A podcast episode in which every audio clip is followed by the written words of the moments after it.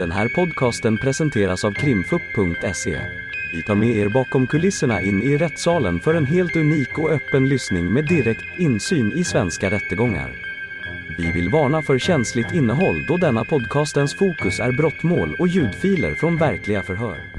Då rullar den och varsågod. Eh, eller ja, vi ska göra så förresten. Eh, antingen så, för nu är det ett formellt förhör, åklagaren har åberopat förhör med dig. Och då är det så att då har man rätt att fritt själv få berätta först det man vill om den här gärningen. Eller så kan åklagaren börja ställa frågor. Du får välja vilket du föredrar. Mm.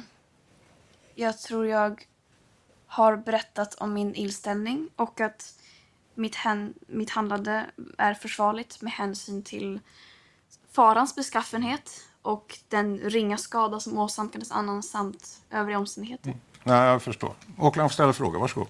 Jag kom, förtydligar att jag kommer bara svara på frågor som gäller mig själv. Du, jag tänkte börja med att fråga dig anledningen till att, att du befann dig just på den här platsen. Vad var den? Eh, för att vi befinner oss i en, ett klimatnödläge och att eh, vi känner att vi inte vill vänta på att någon annan agerar. Så därför agerar vi. För att någon måste agera. Och jag tänker på den specifika platsen. Ja.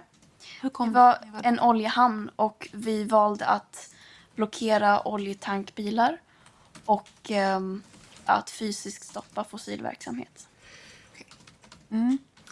Ehm, det framgår av handlingarna här, lite grann av det jag visade, att polisen kom till platsen. Kan du berätta någonting om hur upplevde du liksom kommunikationen med polisen? Hade ni någon sådan och hur var det precis när polisen kom dit? Det fanns en kommunikation med polis, ja. Och jag tycker att det var en tydlig kommunikation. Eh, och så menar ju polisen att de har lämnat den här ordningshållande befallningen. Uppfattade du den? Ja. Okej. Och eh, vill du förklara om det finns något mer att tillägga utöver det du redan har sagt? Vill du förklara dina skäl till varför du inte flyttade dig på polisens befallning? Ja, inte så mycket mer än vad jag redan har sagt.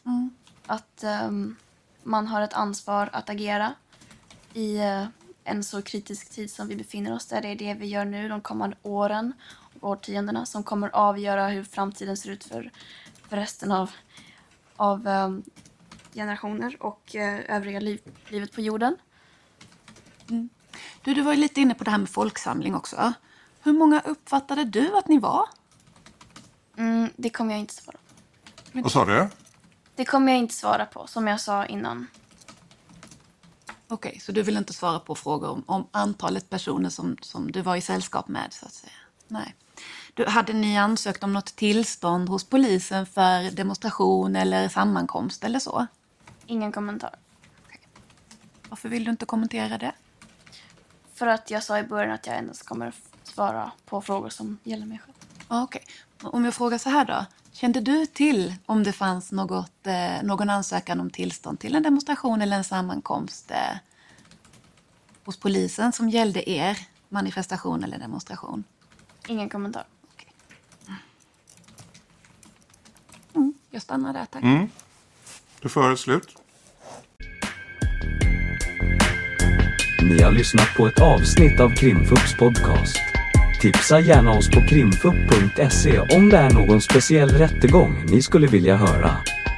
Tack för att ni har lyssnat.